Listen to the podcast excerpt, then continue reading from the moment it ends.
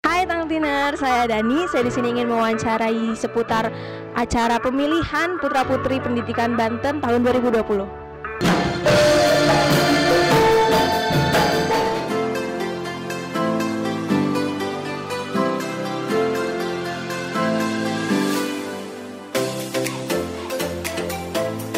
Ajang pemilihan Putra-Putri Pendidikan Banten 2020 yang diadakan di Auditorium Yunis Tangerang Minggu malam 16 Februari 2020. Ketua Pelaksana mengatakan ini sudah tahun ketiga Duta Pendidikan Banten mengadakan ajang ini.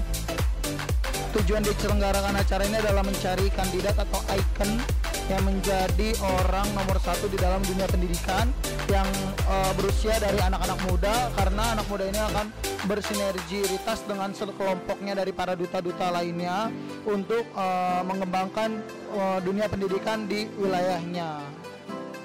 Dalam pemilihan ini akan memilih kandidat yang diharapkan dapat mengemban amanah dan mengembangkan dunia pendidikan.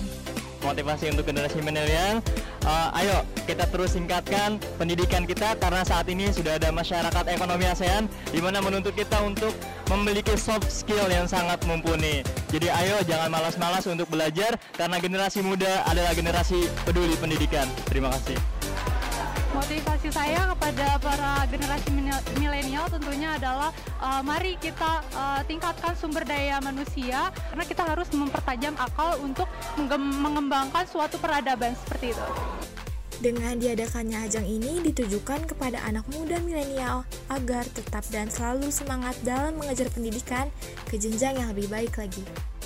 Nah, di sini saya sudah bersama Putri Pendidikan Indonesia tahun 2019.